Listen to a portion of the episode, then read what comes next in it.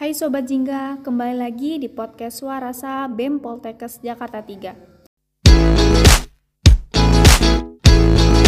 Pada podcast kali ini akan dipandu oleh gua Ulinda Sari selaku Kepala Biro Hubungan Masyarakat tahun 2021. Di segmen podcast ini kita akan mengingat-ingat lagi nih di tanggal 10 Oktober kemarin itu sebagai hari peringatan kesehatan jiwa sedunia. Pasti masih banyak kan sobat jingga yang belum tahu mengenai Hari Kesehatan Jiwa. Tapi di sini gue nggak sendiri untuk membahas mengenai kesehatan jiwa, ditemani rekan gue dari Kementerian Sosial Masyarakat. Silakan perkenalkan diri lo. Ya, halo Sobat Jingga, halo Sobat Nusantara. Perkenalkan, eh, nama saya Stepani Mandro. Saya akrab dipanggil Stepi. Alhamdulillah sekarang diamanakan sebagai staf sosial masyarakat dan sekarang saya kuliah di Poltekkes Kemenkes Jakarta 3 jurusan kebidanan. Mungkin ini aja ya Mbak perkenalan dari saya. Oke, Stepi di tanggal 10 Oktober kemarin tuh uh, adalah peringatan Hari Kesehatan Jiwa Sedunia. Kenapa sih tanggal 10 Oktober diperingati sebagai Hari Kesehatan Jiwa Sedunia? Ya, baik Mbak. Sebenarnya saya juga dulu tidak mencari tahu perihal hal ini Mbak ya. Semenjak saya ditetapkan di staf Kementerian Sosial Masyarakat, saya mulai mengulik-ulik perihal hal ini. Nah, sebenarnya Mbak, Hari Kesehatan Mental Sedunia ini ya dicetuskan pertama kali oleh Richard Hunter, yaitu Wakil Sekretaris Jenderal uh, Federasi Dunia untuk kesehatan mental ya Mbak atau kita biasa kenal dengan UFMH. Nah, okay, okay. itu pada 10 Oktober 1992. Apa sih UFMH? Itu organisasi internasional Mbak yang memang berfokus pada isu-isu kesehatan jiwa gitu kan. Lalu peringatan Hari Kesehatan Mental Sedunia ini memang tujuannya untuk memberikan edukasi ya Mbak sebenarnya awalnya. Nah, serta masyarakat ini diharapkan mampu melawan stigma-stigma sosial yang beredar. Makanya setiap tanggal 10 Oktober setelah peringatan pertama di 1992 itu banyak sih pendukung-pendukung yang memang datang untuk uh, apa namanya merayakan peringatan tersebut seperti itu, Mbak. Oke, di Hari Kesehatan Jiwa nih tahun ini dari yang gue baca itu mengambil tema Mental Health in an Unequal World, yaitu yang berarti kesetaraan dalam kesehatan jiwa untuk semua. Ternyata tema ini nih dikutip dari buku panduan tentang Hari Kesehatan Jiwa 2021. Itu benar atau enggak sih? Iya, itu seperti yang sudah disampaikan oleh Mbak Uli itu benar. Nah, sebenarnya buku ini ini dikeluarkan oleh Kementerian Kesehatan, Mbak. Nah, di buku ini dijelaskan memang tujuannya memperingati Hari Kesehatan Jiwa Sedunia di tahun 2021. Sebenarnya untuk apa sih? Untuk meningkatkan kepedulian dan kesadaran masyarakat, Mbak, tentang pentingnya kesehatan jiwa. Apalagi sekarang kita kan di masa transisi COVID-19 ya, Mbak. Karena kesehatan jiwa ini merupakan masalah yang universal sekarang. Oke. Ternyata tuh kesehatan jiwa masalah yang umum lah di masyarakat gitu loh bahkan kita pun di luar pun masih ada ya gitu. Gue juga pernah nih denger di salah satu podcast di situ tuh membahas tentang kesehatan jiwa. Dan ternyata narasumbernya itu tuh dia itu pernah mengalami uh, apa ya gangguan kesehatan gitu kesehatan jiwanya gitu. Dan yang baru gue tahu tuh ternyata kesehatan jiwa tuh bisa dialami oleh seorang anak kecil.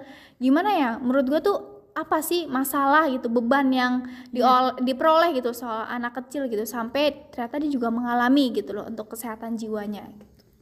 Iya mbak, sebenarnya banyak orang yang bingung ya, toh anak kecil apa sih pikirannya kok bisa kena gitu ya mbak ya. Begini mbak, kesehatan jiwa itu bukan hanya dialami orang besar, tapi siapa pun bisa terkena. Kenapa? Karena mbak gejala-gejala kesehatan jiwa ini sebenarnya tanpa kita sadari Misalnya nih, saya ambil contoh anak kecil yang sakit perut, sakit e, nyeri tubuh, atau malah ada masalah pencernaan. Nah, sebenarnya sakit-sakit itu muncul dari interaksi otaknya yang terganggu, Mbak. Makanya, kalaupun kita periksa ke dokter nih, umumnya gejala itu pun nggak diketahui penyebabnya. Jadi, awalnya itu berasal dari pikiran dulu, makanya bisa terkena jadi stres. Oke, okay. hal baru nih yang gue tahu nih mulai. Dan setelah tadi Stepi juga jelasin, ternyata tuh uh, apa ya? Menurut gue tuh mulai sekarang tuh kita tuh harus setidaknya tuh kurang lebih tahu lah gejala-gejalanya gitu loh. Balik balik lagi nih de, dengan tema tadi gitu loh. Tadi kan ada kata transisi COVID-19. Menggaris, menggaris bawahi kata transisi, menurut lo apakah ada perubahan kejiwaan yang signifikan ataupun cara sosialisasi yang berbeda saat ini? Ya, baik Mbak. Untuk perubahan kejiwaan yang signifikan ya Mbak. Sebenarnya tidak terlalu, tapi Stepi sendiri tidak berani untuk mengatakan tidak karena orang-orang yang beranggapan dia punya masalah yang lebih besar umumnya pasti dia ngerasa lebih emosional dan sebagainya ya Mbak. Tapi sebenarnya perilaku sosial ini yang sekarang ini cukup berkembang sih kalau misalnya kita lihat dari sisi positifnya. Kenapa cukup berkembang? Karena gini Mbak, di masa Covid ini banyak orang yang lebih e, memiliki waktu untuk keluarganya, memiliki waktu untuk lebih dekat di rumah aja gitu ya mbak. Karena covid ini memaksa kita untuk tidak ke mana-mana benar ya. Dan juga mungkin kita lebih dekat kepada Tuhan gitu ya mbak. Karena masalah seperti ini membuat banyak orang mengalami stres sehingga spiritualnya lebih baik dan lebih meningkat kepada Tuhan. Seperti itu mbak.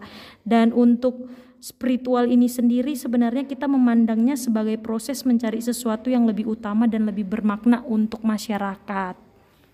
Oke. Memang ya untuk sekarang ini wabah COVID-19 itu memang belum usai gitu loh. Meskipun angka yang terkena pun sudah mengalami penurunan gitu. Tetapi tuh kita harus tetap gitu me, apa ya mematuhi protokol kesehatan yang udah ditetapkan oleh pemerintah. Kita bisa lihat juga nih ternyata dampak yang ditimbulkan dari COVID-19 tuh banyak banget gitu loh Ya benar Mbak, saya setuju kalau memang COVID-19 ini banyak ya mem membuat dampak negatif untuk masyarakat. Misalnya Stepi ambil contoh nih Mbak, banyak tempat-tempat kerja yang memang ditutup ya Mbak dan pendapatan dari karyawan ini kurang dan gak jarang juga karyawan banyak yang di PHK. Sebenarnya masalah-masalah ini nih Mbak yang membuat orang-orang jadinya stres karena tidak ada penghasilan. Jadi seperti yang Mbak jelaskan memang iya banyak orang-orang yang mengalami gangguan mental yang disebabkan karena COVID-19. Iya, ternyata nih dampak COVID-19 juga nih berdampak gitu di dunia pendidikan gitu loh. Pembelajaran menjadi serba online, bahkan ada beberapa pelajar yang merasakan beban tugas semakin banyak pada saat pembelajaran online gitu loh. Pada saat itu pun belum boleh gitu uh, lagi apa ya marak-maraknya gitu. Saat COVID-19 kita tuh nggak boleh keluar rumah. Kalau tidak berkepentingan dengan banyaknya larangan dan protokol kesehatan yang begitu ketat gitu loh. Mungkin sebagian merasa hal tersebut tuh masalah apa ya membuat tertekan gitu loh. Ya kalau untuk pendidikan ya mbak. Karena memang semuanya serba daring orang-orang nonstop di laptop di komputer memang nggak bisa kita pungkiri berdampak untuk uh, kesehatan mental seseorang mbak karena dulunya mungkin dia ketemu sama teman, kuliah sekolahnya offline, tapi semenjak Covid jadinya semuanya serba daring. Cuman dari Stepi sendiri memberi solusi nih buat teman-teman, sebaiknya menjadikan eh, media-media elektronik yang sekarang kita lakukan di pembelajaran ini lebih bergairah lah untuk kita. Misalnya nih, ada yang hobi mendesain, bisa melakukan desain dari laptopnya, tidak usah lagi memakai kertas dan sebagainya. Seperti itu, Mbak. Oke, kalau dari Stepi sendiri nih, ada nggak sih tips and trick untuk pelajar sekarang caranya bisa mengapresiasikan dirinya gitu loh, tidak menghakimi diri sendiri atau bahkan self reward yang ideal gitu? Ya, mungkin ya Mbak, karena uh, kita kan sama-sama manusia, sama-sama belajar lah gitu ya Mbak ya. Memang tidak bisa kita pungkirin kesehatan mental di tengah situasi sekarang memang sangat berdampak bukan hanya untuk orang dewasa, mungkin untuk remaja bahkan anak-anak sampai orang tua juga mungkin ya Mbak. Tapi kalau dari Stepi sendiri ya teman-teman, buat teman-teman yang merasa cemas, merasa terisolasi dan kecewa hidupnya, sebaiknya teman-teman jangan merasa seperti itu ya teman-teman. Karena ketahuilah teman-teman bahwa teman-teman tidak sendirian. Hampir semua kita merasakan hal yang sama. Nah dari Stepi sendiri ada beberapa tips and trick yang memang Stepi juga dijalankan di kehidupan Stepi. Yang pertama mungkin Stepi bisa memberikan kepada teman-teman bahwa teman-teman harus menyadari kecemasan teman-teman itu adalah hal yang wajar. Maksudnya apa? Maksudnya itu kecemasan itu sebenarnya kalau dilihat dari sisi positifnya akan membantu kita semua untuk mengambil keputusan. Dari rasa cemas itu akan terbentuk rasa kita untuk mengambil keputusan. Sebenarnya ini bisa kita lihat dari sisi uh, positif ini. Lalu yang kedua cari pengalian teman-teman. Maksud cari pengalian di sini ya Ella, e, ketika kita berada dalam kondisi yang sangat sulit seperti COVID ini ya teman-teman, akan ada dua yang kategori tidak bisa kita bedakan. Hal-hal yang bisa kita kendalikan sama hal-hal yang tidak bisa kita kendalikan. Tapi karena namanya kita di masalah seperti ini, banyak yang memilih jalan hal-hal yang tidak bisa dikendalikan ya teman-teman. Dan menurut saya itu tidak menjadi masalah. Tapi satu hal yang bisa membantu kita untuk menghadapi situasi adalah dengan mencari uh, pengalian terhadap diri sendiri teman-teman. Bagaimana apa yang teman-teman fokuskan untuk diri teman-teman. Lalu untuk fokus pada diri, apa sih fokus pada diri ini sendiri? Nah, Stepi sendiri kenapa fokus pada diri? Supaya Stepi mencari cara untuk memanfaatkan waktu. Misalnya, Stepi berolahraga. Dengan berolahraga mungkin ini cara yang produktif untuk menjaga kesehatan. Itu juga mungkin bisa teman-teman lakukan di kehidupan teman-teman. Sama mungkin terakhir ya teman-teman tips dari Stepi yang paling penting tetaplah berbuat baik, baik itu untuk diri sendiri maupun orang lain. Karena COVID sekarang membuat seluruh lapisan susah, menyebabkan orang terkena stres dan sebagainya, maka itulah peran kita untuk menjaga kemanusiaan dengan cara berbuat baik. Jadi mungkin ini beberapa tips Mbak yang bisa Stepi berikan. Oke, tips-tips yang tadi Stepi beriin tuh bagus-bagus banget gitu loh. Mungkin nih untuk uh, sobat jingga yang mendengarkan gitu loh, mungkin bisa termotivasi gitu dengan tips-tips yang setelah te, apa Stevi kasih gitu loh.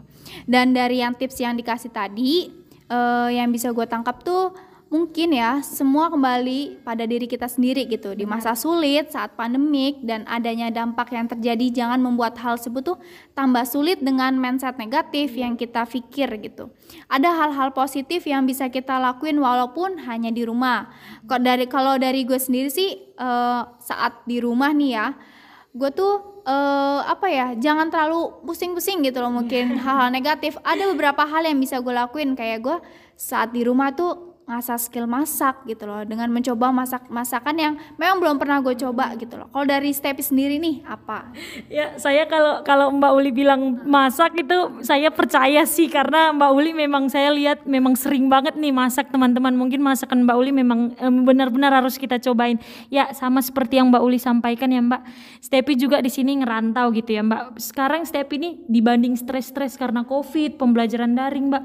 Ada waktu-waktu yang memang kalau misalnya lagi lagi free gitu ya Mbak Stepi manfaatin untuk misalnya belajar makeup gitu kan Mbak sekarang ini.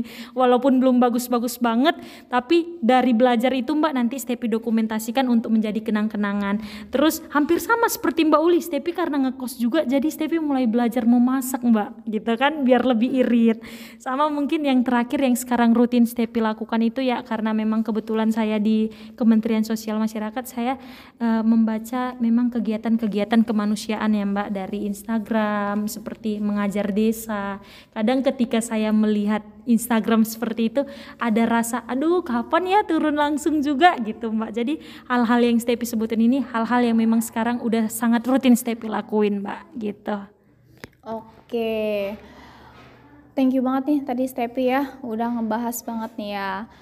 Dan kalau kita bahas lagi nih tentang Hari Kesehatan Jiwa nih, selain ucapan yang dibuat oleh in, apa yang dibuat di Instagram BEM apalagi nih yang dibuat oleh Sosma sendiri di Hari Kesehatan Jiwa.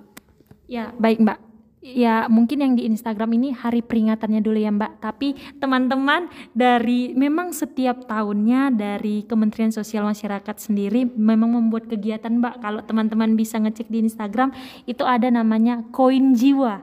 Koin Jiwa ini tujuannya yaitu memang memperingati Hari Kesehatan Jiwa Dunia. Nah, di sini kita akan menggalang dana yaitu open donasi yang nantinya dana ini kita berikan kepada panti atau yayasan yang memang menaungi orang-orang yang memiliki kesehatan mental atau kesehatan jiwa ya Mbak. Tapi bukan hanya pure donasi Mbak, kita juga akan melaksanakan acara gitu kan. Acaranya apa? Ini saya mau nge-spill sedikit untuk teman-teman di seluruh Nusantara nih dari Sabang sampai Merauke. Nanti di koin peduli jiwa kita di 2021 itu kita ada melakukan kan bagaimana sih menjaga cara mencuci tangan yang baik dan benar ya mbak. Kadang bukan hanya orang yang memiliki kesehatan jiwa kita yang manusia normal aja kadang nyuci tangan asal-asalan ya mbak. Nggak tahu gimana cara nyuci tangan yang benar. Maka dari itu nanti kita mau melaksanakan kegiatan ini mbak. Dan juga teman-teman jangan lupa di tanggal 13 November kita akan melaksanakan koin jiwa. Jadi buat teman-teman Tolong follow Instagram Badan Eksekutif Mahasiswa Poltekkes Jakarta 3. Oke, tadi udah dapat spill sedikit ya tentang kegiatan koin jiwa nanti nih. Dan untuk uh, teman-teman sobat jingga gitu loh yang mendengarkan, kalau ingin tahu kegiatan seperti apa, mungkin informasi selanjutnya itu ada di Instagram BEM PKJ 3 ya Step ya. Iya. Oke, udah nggak kerasa banget nih. Kita tuh udah ngobrol ya tentang Hari Kesehatan Jiwa gitu. Terus di akhir kita juga bahas tentang koin jiwa gitu loh untuk memperingati uh, Hari Kesehatan Jiwa gitu tahun 2021. Sebelum gua tutup, mungkin dari Stepi ada nggak nih pesan-pesan uh, buat pendengar suara rasa? Ya, hai teman-teman suara rasa. Terima kasih sudah diberi kesempatan. Sebenarnya masih banyak banget yang mau diomongin cuman waktu kita ya mbak. Nah jadi teman-teman dalam memperingati hari kesehatan jiwa ini mari kita sama-sama meningkatkan kesadaran diri mengenai seberapa aware kesehatan jiwa itu teman-teman. Banyak loh teman-teman. Banyak sekali orang yang menganggap kesehatan jiwa ini atau kesehatan mental ini sangat remeh banyak yang eh, mengatakan ya mungkin ah itu kurang iman, ah itu karena jauh dari Tuhan dan sebagainya macamnya. Tapi teman-teman tolong digarisbawahi bahwa kesehatan jiwa itu sangat penting untuk kita jaga dan kita perhatikan. Dan harapan Stepi semoga seluruh mahasiswa di Indonesia senusantara mampu menjadi mahasiswa yang berjiwa sehat dan bermental baja untuk teman-teman juga yang memang sedang mengalami struggle mengenai uh, kejiwaan dan mentalitasnya, mari bangkit bersama teman-teman. Yakinlah bahwa tidak ada hal yang tidak bisa disembuhkan. Jadi, untuk semuanya, hal yang utama harus ada niat dari diri kita masing-masing. Jadi, salam sehat, selamat Hari Kesehatan Jiwa Dunia. Semoga kita semua sehat, baik uh, rohani maupun psikisnya. Terima kasih Stepi atas pesan-pesannya. Gue Uli, salam undur diri.